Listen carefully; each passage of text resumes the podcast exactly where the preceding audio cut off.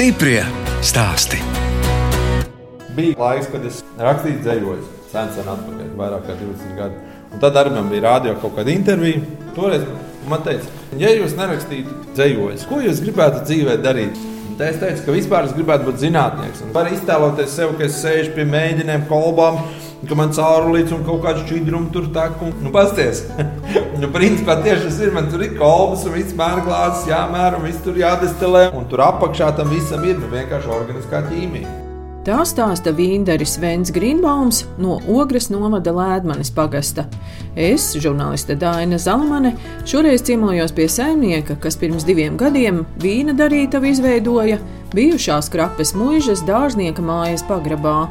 Krapes mūžas kungu māja nav saglabājusies, bet arī dārznieka māja ir ēka ar neparastu vēsturi. Šī tā daļa esot bijusi no mūra, bet tā baronese paticis mūros dzīvot, gribēs koku ēkā. Nu, tad viņš uzcēla viņai pusmužu no koka, tādu piebūvi. Tā nodega pilnībā. Tā kā mēs taisījām tos renovācijas darbus, tad viss apkārt bija sadegušas tāds pelnu slānis un tāds stikla sakusuši ar tādām inkrustācijām. Tāda liela terase bijusi. Tas šūnis, ko jūs tagad redzat, tas ir uh, viņas ziemas dārzs. Droši vien nebija naudas, tad kaut kā viņi ir atjaunojuši. Viņi tāda ar māla kleķi tā pārējā siena ir. Nu, tagad jau tur atkal ar, ar ķieģeli balto kaut kas uzmūrēts, bet pagalma vidū man te apakšā ir vēl šī te iet visur vēl vērta pagraba. Es pat bērnībā atceros, ka te reizēm izskaloja bedri tādu. Sagāzās viss smilts iekšā, bija bedra, un tad lēnām viņa atkal aizbēra ciet. Papildina Venta draudzene Rūta Labrēnce. Tas bija tāds azarts tajā vasarā, te rakņāties pa tiem izrakumiem. Paņēma savu mazo dārza lāpstiņu un tas stundām varēja kašāties. Nu, kādu, ko jūs labi atradāt? Kādu pakavu varēja atrast, interesantas stikliņas, pudeļu lauskas. Savācām vairākas kastes, domājam, muzeju taisīt pēc tam. Neko tādu ļoti vērtīgu, ne zelta, ne diamantas, gradzenes neatradām. Bet tā jau vēka izskatās iespaidīga. Jā, jā, mēs 19. gada vasarā norenovējām, aiztaisījām visas plaisas, kaut kādas lielākas caurumus un pārkrāsojām visu. Un te, tagad ir beidzot atkal smuki nokrāsot. Bet šī ēka, mēs varētu teikt, tāda lielā lauku saimniecība varētu būt tikai ar tādu nesaprotamu četrkantīgu piebūvīti. Jā, mēs te esam visi galvas lauzījuši. Nu, mana versija, ka tur bija vānu sistēma kanalizācija no turienes nāca ārā. Tā kā vecāks viņu nopirka, tad dzīvoja mūžs dārznieks, Igauns pēc tautības. Te bija mūžs sābeļdārs tieši te pagalmā. Bet tad uznāca baigā vētra. Vecās mūžas tās ābeles nolauza līdz ar zemi, un tā vētras bija tāda, ka no verandiņas Zingeru šūmašīnu esot iznesuši ārā. It kā vējš, varbūt kaimiņi vienkārši pārkstījās, bet nē, nē, vecmāmiņa stāstīja, ka Zingeru šūmašīnu esot no verandas iznest ārā un aiznest pa gaisu. Stāsts par krapes vīna darītavu ir vienlaikus arī stāsts par Venta vecvectēvu Vili Lauski, kurš bija ļoti uzņēmīgs cilvēks un bijušo mūžas dārznieka māju nopirka pirms simts gadiem. Viņš savā jaunībā gribēja kļūt par dārznieku. Un tad viņš sāku vienkārši mācekļu gaitas pa dažādām mūžām, ejot pie dažādiem teikt, mūža dārzniekiem, skolojās vienkārši amatā. Kļuvu pats jau par skolotāju un strādāju Sanktpēterburgā un mācīju jaunos censoņus Stariskā Krievijā. Un tad Latvija atguva neatkarību, un viņš bija tur sapelnījis diezgan daudz naudas. Viņš atgriezās Latvijā. Bet par cik notika visi tie juku atkal pārējais laiki, ja sabruka Cariskā Krievija, un viss tā viņa sapelnītā nauda zaudēja pilnībā vērtību. Bet uh, viņš Buldu dārzkopības skolā sāk strādāt par pasniedzēju. Dažus gadus viņš par direktoru nostrādāja, bet šo māju arī paņēma kredītā. Aptuveni 15,000 rubļi. Tā kā Ulmans uztaisīja to agrāro reformu, viņš sadalīja visas tās zemes. Jaunsaimniecībās piešķīra tiem, kas par brīvību bija cīnījušies. Un skolotāji bija tāda kaut kāda nosacīta prioritāra grupa, kas varēja izpirkt kā pirmie. Un tad viņam piedāvāja vai nu šo pirkt, vai Junkrāvas mūžā tur arī bija gabaliņš, ko viņš bija noskatījis. Bet nu, viņš izvēlējās šo te un nopirka šo te. Dārznieks būdams, nu, protams, ka viņam vajag savu zemi. Ļoti daudzas eksperimentālas, piemēram, kultūras. Viņš mēģināja audzēt un skatīties, kā Latvijas apstākļos viņas pieredzināt un kā viņas tur teiksim, izaudzēt. Viņš cits starpā ir arī trīs zvaigžņu ordeni dabūjis tieši par saviem ieguldījumiem dārzkopībā. Tātad, nu, viņš tiešām bija tāds inovatīvs un tiešām tāds, kur, kur novērtēja. Varbūt kāds no klausītājiem zinās tādu krapas cukurīti. Ja? Nu, tad viņš ir teikt, krustāvs tam krapas cukurītim. Tā ir ābols šķirne. Jā, ir ābols šķirne tieši par godu šai vietai nosaukt. Viņam bija tā sauktā koku skola, kuru viņš potēja un, un brauca studenti teikt, mācīties arī. Tad viņš arī viņus pārdeva, tirgoja tās ābeles. Siltumnīca, kur viņš vīnogas audzēja un veda vietītas pa ķekaram vienam, ja, jo toreiz laikam neimportēja tās vīnogas, jo nebija droši vien izdomāts tādas ķīmijas, lai varētu tik ilgu laiku vedot, nesabojāties.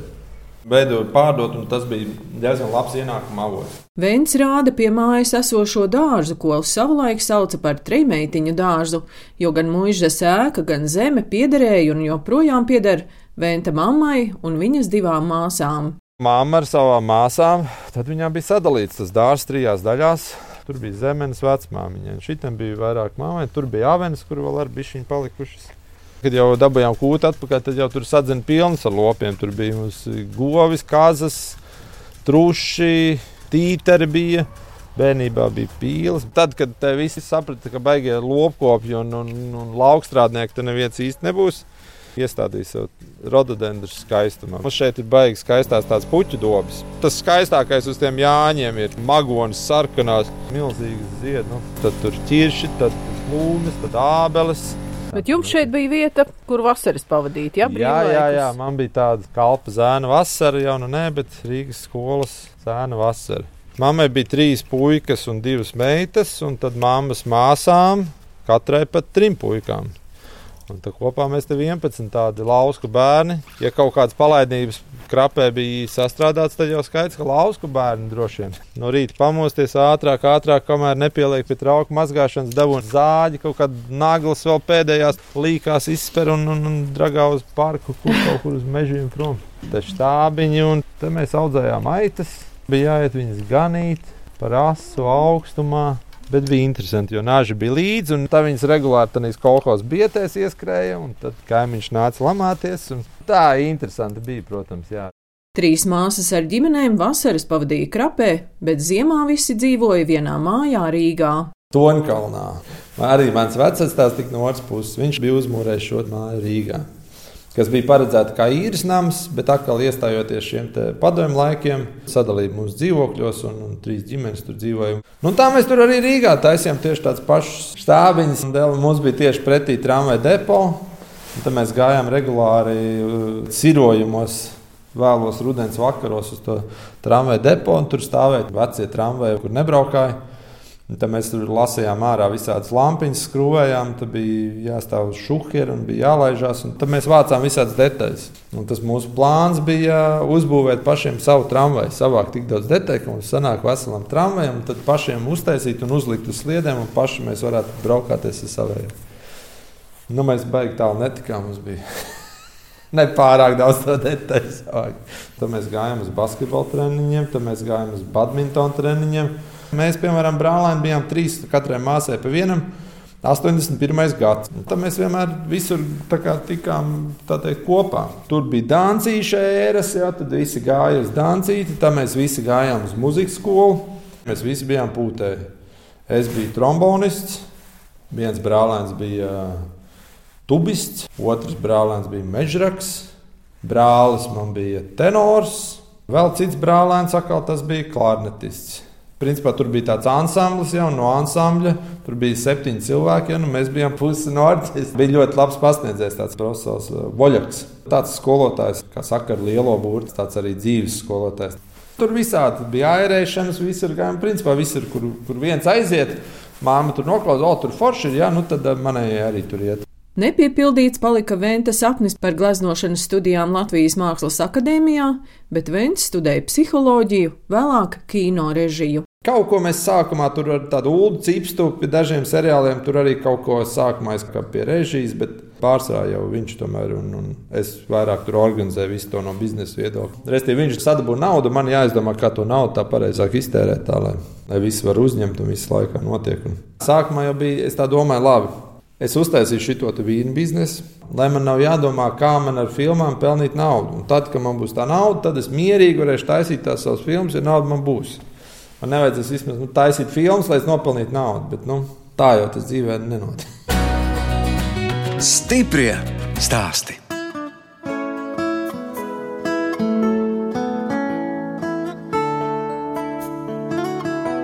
Jūs klausāties raidījuma stipri stāstī. Šoreiz ciemojos pie Vīndara Venta Grīnbauma.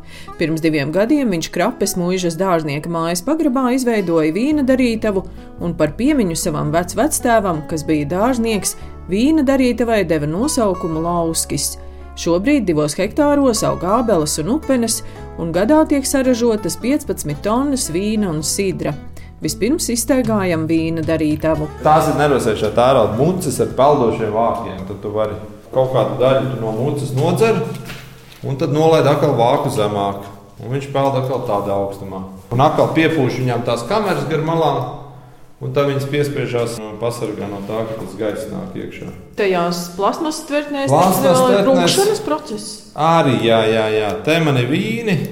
Sākotnējais rūkšanas process, kamēr nav norūdis, tikmēr viņš var būt arī šādā. Bet tiklīdz viņš ir beidzis rūkšanu, tā viņš ir jāliek tādās tvertnēs, kur nenāk tas uh, skābeklis, viņam netiek nekādīgi klāt. Tad viņš tur briedinās un gatavojās. Nu, kā jūs taisat vīnu tikai no aboliem? Mābolēm es taisīju vīnu pirmos 15 gadus. Mābols bija mans mācību materiāls. Sākums jau, protams, bija no vecāka stādītiem abitāriem. Nu, bija arī kaut kādas tādas jau vīna darīšanas tradīcijas. Mama taisīja vīnu. Māma taisīja vīnu, vecmāmiņa arī taisīja vīnu. Tādos spītos grozos un stikla balonos te arī stāvēja manā bērnībā tie vīni. Kaut kas te burbuļoja, bet vienmēr tur bija kaut kādas problēmas. Es atceros, tiem vīniem viņi nekad tā īsti tādi nu, nebija. Tā, ka, o, mūsu tur upeņa vīns ir lielisks. Droši vien jau izdzēra, bet nu, nebija. Es tā vismaz no bērnības neatceros tādas slavas dziesmas. Un, Kā es ar to visu iesāku, ar brāļiem kopā mēs bijām klubu tādu uztaisījuši vecrīgā. Un, un tur bija tie āli, un tur bija tie sidri, un tad mēs domājam, mums taču ir āboli. Tā mēs vienu gadu izdomājām, pamēģināsim. Tas bija kaut kādi 15, varbūt 17 gadi atpakaļ. Bet bija nopērkams bioefekts, kā tagad atceros, tāds rauks kaut kādā pudelītē. Un tā mēs ar parasto virtuves spiedīti sagriezām, te smuki ar draugiem sēdējām zem eglītes, griezām gabaliņos, izspiedām 30 litrus vai 60 litrus tur ielikām. Un man liekas, ka dieva laime, ka mēs bijām baigi nepacietīgi. Un mēs pēc kā 2-3 mēnešiem viņu jau pagaršojām. Un bija sanācis nu, tāds salds dzēriens ar efektu. Jā. Tā mēs nopriecājāmies un nolēmām, nu, ka šis ir jāatkārto. Un tā katru gadu savācās draugi, taisījām lielās ābolu talkas, visi ejam uz dārzu, lasām. Divas dienas tas viss parasti notika. Otrā dienā bija stipri grūtāk jau tā lasīšana, bet nu, tāpat centāmies. Un tā gada no gada aizvien vairāk brauc tie degustētāji. Tad izdomāja visādas tehnoloģijas, un atkal kaut kādas spiedas nopirka. Tur tēvs atceros, sponsorēja pirmo man spiedi. Mūcis tādu un griež ar roku uz rīņa, mehāniskā. Vecu zaru smalcinātāju bija nopircis, kurš to sābols mal iekšā. Un Pudelēs es pildīju, es tur vācu no bāriem kaut kādiem pudeles, tukšās vīnu. Izdomājis jau tehnoloģiju, ka tādus skrūvgriezus, kā viņus tur nokasīt, tur beigas veiklu. Un Tā es tur ņēmos, un, protams, kopš es sāku ražot vīnu, kopš tā brīža es vairs dāvanas nepirku. Tā es visiem draugiem dāvināju. Bija gadi, kad tiešām viņš bija izcils. Nu, ļoti garšīgs. Viņš vēl viegli sagāzējies, reizēm bija tur pagrabā stāvot. Bija gadi, protams, kad nebija tur sanācis. Aptuveni tie desmit gadi bija pagājuši, kad sākām jau spiest tādos kvantumos, ka vienā gadā mēs saspiedām kaut kādus 300 litrus. Man nav tik daudz draugu, lai mēs varētu nākamā to visu izdzert. Un tad es sāku domāt par to uzņēmumu dibināšanu. Jā, un tad nodibināju uzņēmumu, uzrakstīju Eiropai vēstuli. Lūdzu, palīdziet. Nē, bet re, man tāda skaista ideja, varbūt, ka varat eh, piešķirt. Un man tur būtībā par 0,7 kaut kādiem septiņiem tur punktiem tikai es tiku. Un tad man piešķīra to, to minimālo summu kaut kādu. Tas bija kaut kāds līderprojekts. Tas bija līderu projekts. Nodibināt uzņēmumu nebija sarežģīti. Bet, lai tur uzzinātu, kas tev tieši jādara, tev vienkārši jāpavada daudz laika, meklējot informāciju, zvanoties, skaidrojot, kāds tur dokuments vajadzīgs, kas tur jānorāda. Tad tu aiznes, iesniedz, neizrādās, tur nav tas norādīts pareizi. Tad tev jāpārtaisa atkal, tad tev jāiesniedz vēlreiz, un tad, nu, tad beigās apstiprina. Tad tev ir uzņēmums. Nu, to licenci nokārtot, tas jau bija stipri grūtāk. Lai bet- drīkstētu ražot alkoholisku dzērienu. Ja? Jā, jā, jā. Man tas prasīja kaut kādus 3, 4 mēnešus. Aizsūtu vienam, tad gaida atbildi, tad atkal sūta tam, tad zvani, tad tie saka, vajag no tā un tā vēl dabūt dokumentus. Lēnā garā tu tur vāc tos dokumentus pašvaldības, tur būvēt šitā. Beigās dabūjām visu stampēs un beigās ir. Teicāt, jūs sākāt ar to ābolu vīnu, un kas tad bija tie pārējie? Otrs, kā atceros, bija upene. Jo upeņdārs arī šeit jo, bija. Jo upeņdārs arī mums šeit ir, jā, jā. jā. Bet tagad man jau tā nostabilizējušies, jau rābarbers ir tāds klasisks uz palikšanu, cidonija ir uz palikšanu. Tie ir abi ļoti tādi vasaras garšīgi vīni. Tad ir uh, avene. Teiksim, nu, no aronijām var uztaisīt tiešām garšīgi kopā miksējot ar rūpeņu vīnu. Var uztaisīt tādu, ka ir labs savs uh, sarkanvīns no viņa senāk. Šogad pamēģināju pieneņu vīnu. Pirmā reize tādu saņēmos. Mēs pēc kaut kādas amerikāņu receptes tur taisām ar ingveru, tur klāt un tur mandarīnu mizas. Sākumā likās, nu, galīgi nebūs. Tagad jau liekas, ka vispār interesanti kaut kas sāk veidoties. Nu, jāgaida. Ja viņam tur tās garšas staigā, tad ir tāds brīdis, kad viņš liekas, ka ne pēc kā negaršo. Ir kaut brīdis, kad liekas šausmīgi labi garšo. Bija jau tā vīna ražošana, viens liels eksperiments. Nu, tā jau tas ir. Mēs varam iepauzēt, kamēr karstvīns beigs ārdīties sildās karstvīns. Nosmaržo pēc Ziemassvētkiem. Jā, jā. Nu, tad mums ir jānogaršo. Kad jūs sākat taisīt karstvīnu? Sākumā es sāku taisīt aptuveni ap šo laiku, kad uzsniegts pirmais sniegs, un tad likās, nu, tad tagad ir laiks karstvīnu taisīt, bet tas ir daudz pa vēlu. Tagad es karstvīnu taisu jau principā vasaras beigās, jau augustā jau es lieku iekšā karstvīnu, lai viņš paspēja savilkties. Tur ir upene un aronija. Nu, un, protams, visādi garšvielas klāta. Viss garšvielas uzsūkt un garš un aromāts. Un lai, lai tad jau šobrīd man jau būtu gatavs, jau sapildīts pudelē, un es jau varu piedāvāt. No āboliem es netaisu vairs vīnu, bet es taisu no āboliem uh, sidru. Pamatā būs ābols, tā cidonija vai tā aronija. Tā jau būs tikai nu, garšviela, ja, kā piedeva. Vīna darīšana, cik daudz ir mehanizācijas, jeb lielākoties tomēr roku darbs? Lielākoties ir roku darbs. Bet es pēc rakstura esmu, neteiksim, slings, neesmu par strādīgs, bet es esmu tāds, kas, ja var uzlabot kaut ko un, nu, tā teikt, pātrināt procesu, tad es darīšu visu, lai to izdarītu. Šis ir gāzētājs, kuram jau es arī esmu izdomājis, kā viņš ir vispār jāpārtais, visu jāpātrina arī šis, ja viņš nav beigas ātrais. Gāzētāji vajag sidriem. Tas ir vakums sūknis, ar to mēs izsūknējam gaisu no pudeles, un tad tas vakums ievelk iekšā to, to, to šķidrumu. Tā kā viņš ir piepildīts, tad mēs liekam viņu gāzētājā vai karbonizētājā. Liekam šeit pudeli, aiztaisam šo drošības vāku ciet, atveram gāzes viru un tad griežam viņu uz rīņķi. Viņš pieslēgts pie CO2 balona un viņš visu laiku tā teikt, ir zem spiediena. Tad liek koķētājā. Šis ir etiķešu līmētājs. Nu, Vindarītāji daudz, bet tas tā kā ar kūks receptēm. Tās receptes jau var droši stāstīt. Tāpat katrs cepējam sanāks nedaudz savādāk. Un, nu, viens, kas ir tādā receptē rakstīts, bet otrs jau ir kā tu tur to procesu dari. Tas tā kā skaņdarbam. Katrs var nospēlēt to noti, kas uzrakstīts, bet teiksim, izpildīt viņu tā, ka cilvēki tur stāv ovācijās desmit minūtes, sanāk tikai retam. Un... Ir jums kaut kādi vīndari Latvijā, kam jūs gribētu līdzināties, kas jums būtu kvalitātes tāds etalons? Es gribētu apgrozījumu, varbūt uh, sasniegt teiksim, tādus, kas ir uh, lielākie Latvijas uh, vīnderiem. Mēs te esam tuvu pie simtam tie vīnderi. Tiem, kurus tu vari iegādāties veikalu plauktos, pat ne lielākie, bet vienkārši 10, 15 aktīvākie, nu, sauksim viņus tā, populārākie. Ja. Tiem visiem tie produkti ir ļoti labi un labas kvalitātes. Kaut kāds vēl mērķis jums ir kā vīndarim, kaut kāds vīns, ko jūs gribētu uztaisīt? Nu, man ir ļoti daudz vīnu, ko es gribētu uztaisīt. Tas pats plūškoks, pīlādzes, sausēšana. Es esmu dzirdējis arī par tiem labus vārdus. Tos varētu pamēģināt. Man brālēns sastādījis zīdkoks, no tiem noteikti gribās pamēģināt, bet viņi pagaidām vēl tādu vēl gaida savu ražošanu. Un ar vīnu darīšanu ir tā, tu pieredzi gūsti vienreiz gadā. Ja teiksim, maizi cepot, iemīcīja, ja tur pagaidi, lai viņi parūkst. Tā mīkla tev gatavojās, pieņemsim, tur divas dienas. Un tad tev tur maizīt izcepās. Principā pēc trīs dienām tu jau vari pateikt to savu rezultātu un tā teikt, iemācīties, ja kaut kas nesanāca. Nu, ar vīnu ir tā, ka tā mācība tev nāk vienu reizi gadā. Un par to gadu tehnoloģiskie procesi, kas notiek tev ar vīnu, un tās manipulācijas, ko tu veic ar to vīnu, ir nu, neskaitāms. Ja? Ap 50. Un viss temperatūras un viss, kas vēl tev mainīgai. Nu, un tad pēc gada tu pagaršo, sanāca vai nesanāca. Un tad, kad tev sanāk, tad tu domā, tagad, kas no tiem visiem 50 Nodrošināt to, ka tev sanāk, vai arī, ja tev nesanāk, nu, tad nākamgad mēģini pamainīt vienu lietu, jau mēģini vēlreiz. Katra kļūda ir ļoti dārga. Nu, tāpēc jau tā ir, ka tu sāc no 100 litriem vai 50 litriem, un tad lēnām, nu, ja sanāk, tad tā ir 200. Nu, nesanāk, nu, bet nav jau jums gluži arī trešais gads, nu, ja jūs teicāt 15 gadus. Nē, nu, es saku, tie ābolu vīna gadi, ja tie tur bija 15, nu, tie bija tie galvenie, kur nesanāk. Nu, tagad tā, ka man nesanāk, tu paldies Dievam, īsti nav. Vīni pārsvarā pa tirdziņiem, mājaslapā mums arī kaut ko nopērk, bet lielākoties pa tirdziņiem. Sīdri savukārt lielākoties iet pa bāriem, kaut kas arī iet pa veikaliem, nu, kaut kas mājaslapā mums nopērkas. Un vīnas vēl arī šeit uz vietas mums pērk diezgan daudz. Jā. Šeit arī turisti brauc. Jā, jā, jā turistu grupas. Jā.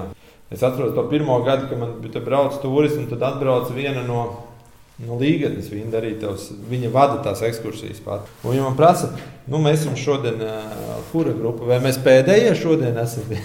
Es domāju, kāda pēdējā ir varbūt šonadēļ vispār pēdējie vai pirmie.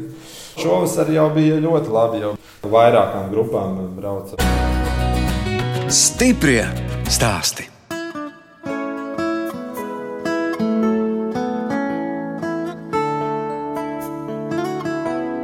Jūs klausāties raidījuma stipri stāstī. Turpinu ciemoties pie Vīndara Venta Grīnbauma, Ogres novada Lēdmanes pagastā.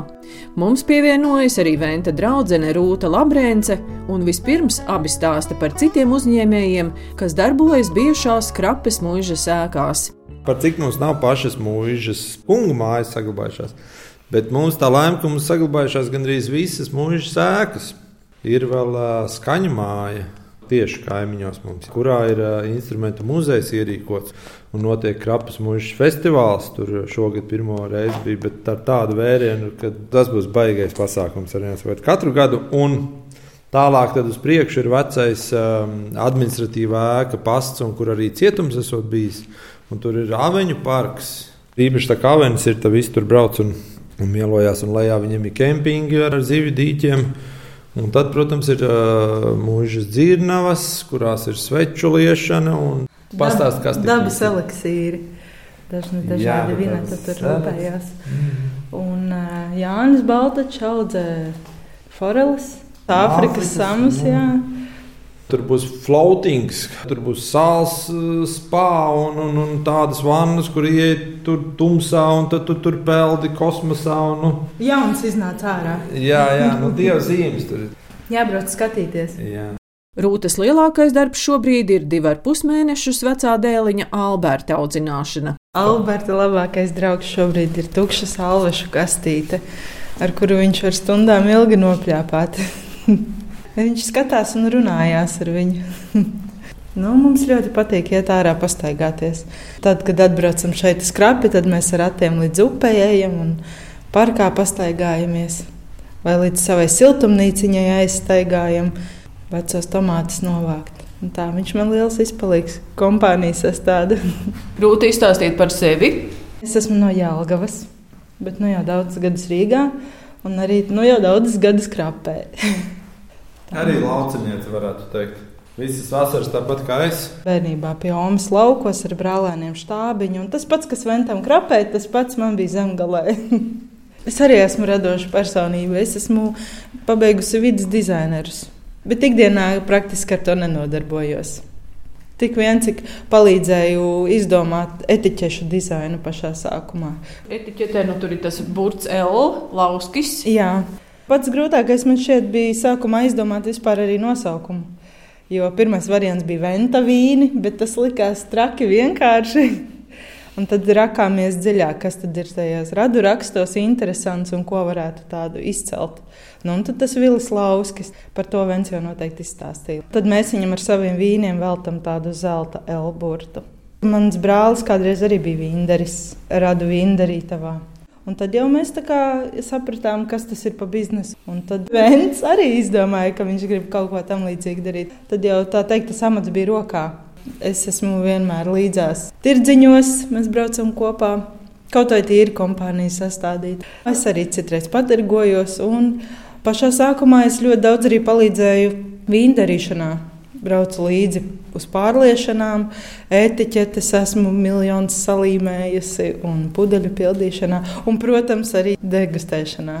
Jums ir kaut kādi arī kopīgi vaļasprieki, ko jums vēl patīk, bez tā, ka jums ir šīs rūpes par mūžu un par vīniem un sidriem? Mums ļoti patīk sēņot. Mēs rudenos un vasarās dzīvojamies pa mežu visu laiku. Medījam gailenes. Ziemā mums patīk darīt snowboards. Uz kalniem braukt. Vēns man teica, ka viņš tur sapņo par glezniecību. Jā, kādreiz dzējas rakstīja. Nu, Rūta, jums varbūt vēl kaut kas arī tāds.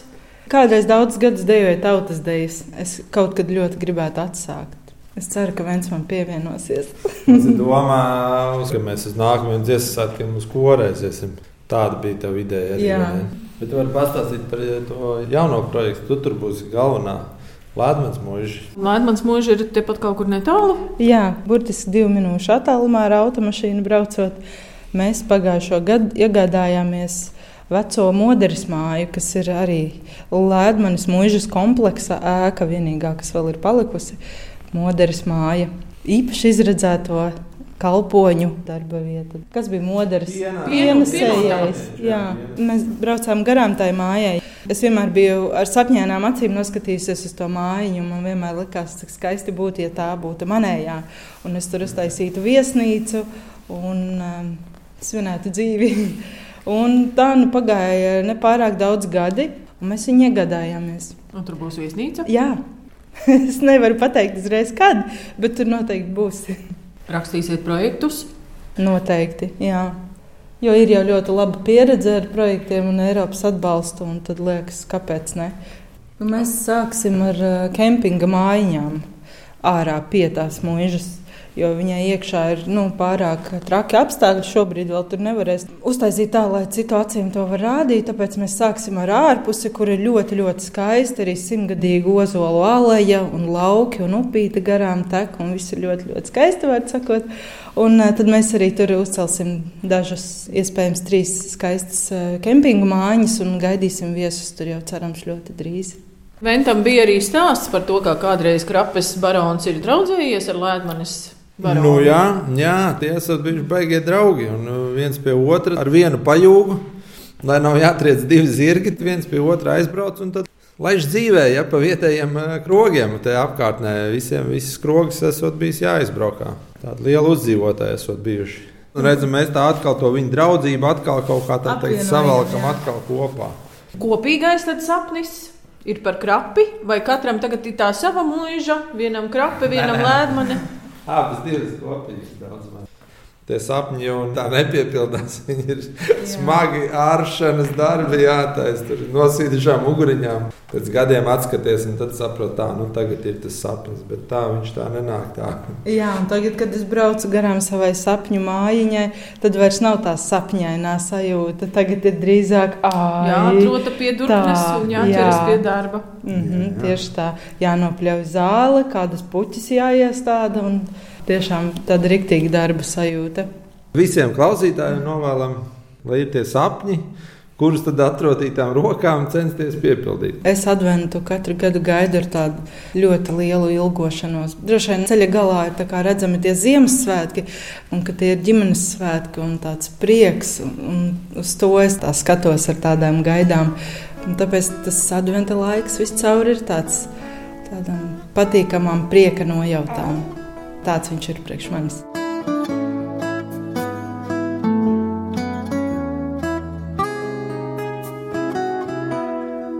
Redījums stipri stāst izskan, un mēs atvadāmies no Venta Grīnbauma, kas pirms diviem gadiem bijušajā krapes mūžas dārznieka mājas pagrabā izveidojis vīna darītavu lauskis un viņa draudzenes Rūtas Lamrences, kas audzina divu ar pus mēnešus veco dēlu Albertu un veidos viesu māju bijušajā Lēdmanes mūžas moderes mājā. No jums atvadās žurnāliste Dāna Zalamane un operātore Inga Bēdele, lai tiktos atkal tieši pēc nedēļas.